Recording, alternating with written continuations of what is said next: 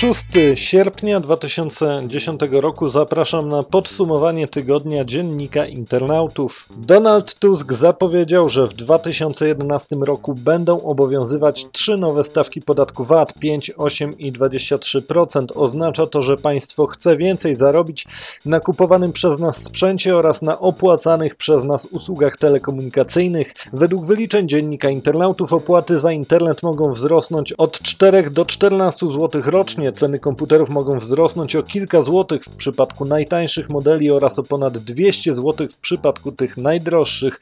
Oczywiście trzeba mieć na uwadze, że konkurencja na rynku wymusza spadek cen detalicznych, więc nie jest pewny, czy odczujemy jakieś podwyżki.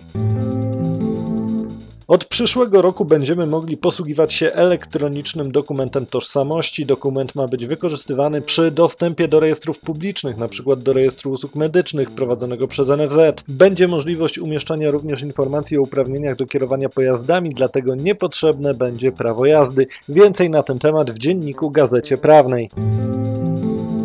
4 sierpnia weszło w życie rozporządzenie, które zwalnia charytatywne SMS-y i połączenia telefoniczne z podatku VAT. Niestety zwolnienie nie dotyczy telefonów na kartę.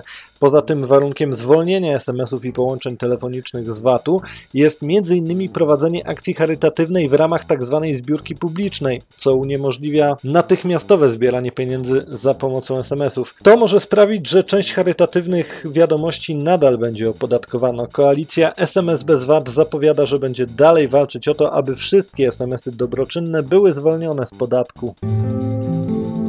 Przetwarzanie danych przy użyciu nowych technologii informatycznych to sprawa, którą chce się zająć nowy generalny inspektor ochrony danych osobowych Wojciech Wiewiórski. W środę złożył on w Sejmie ślubowanie. Zdaniem nowego inspektora Polska ma dość dobry system ochrony danych, ale sprawdza się on w klasycznych przypadkach. Wciąż nie wiemy w jaki sposób odpowiedzieć na wiele pytań dotyczących przetwarzania danych przy użyciu nowych technologii, powiedział Polskiej Agencji Prasowej Wiewiórski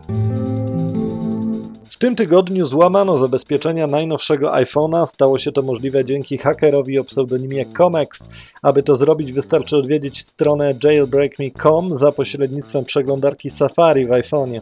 Specjaliści do spraw bezpieczeństwa ostrzegają jednak, że wykorzystywana w tym procesie luka może posłużyć cyberprzestępcom także do innych celów niż odbezpieczanie smartfona. Niezależnie od tego zapotrzebowanie na odbezpieczone smartfony jest duże. Strona jailbreakme.com znikała kilka razy z sieci z powodu natężenia ruchu. Ciekawe rzeczy wydarzyły się na rynku smartfonów. Zgodnie z oczekiwaniami Research in Motion przedstawiła smartfona BlackBerry Torch 9800. Nadal ma on biznesowy charakter, zachował klawiaturę, ale dodano do niego funkcje dotykowe i multimedialne znane z typowo konsumenckich urządzeń. Smartfon jest wyposażony w nowy system BlackBerry 6, daje dostęp do serwisów społecznościowych i ułatwia przeglądanie mediów. Inną ważną nowością na rynku smartfonów jest to, że w ostatnim czasie urządzenia z Androidem sprzedają się lepiej niż iPhone. Tak wynika z danych firmy Nielsen. Z kolei firma Canalis ustaliła, że Android zanotował wzrost sprzedaży o ponad 885%. W okresie kwiecień-czerwiec 2010 sprzedano 10 milionów smartfonów z tym systemem.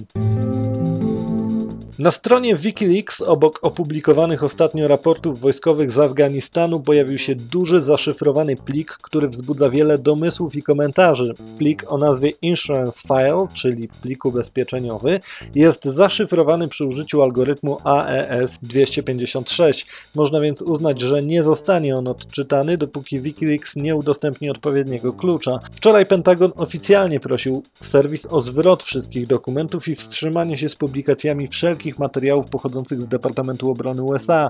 Wygląda jednak na to, że administratorzy strony są gotowi ujawniać kolejne dane, które armia z różnych powodów chce utajnić.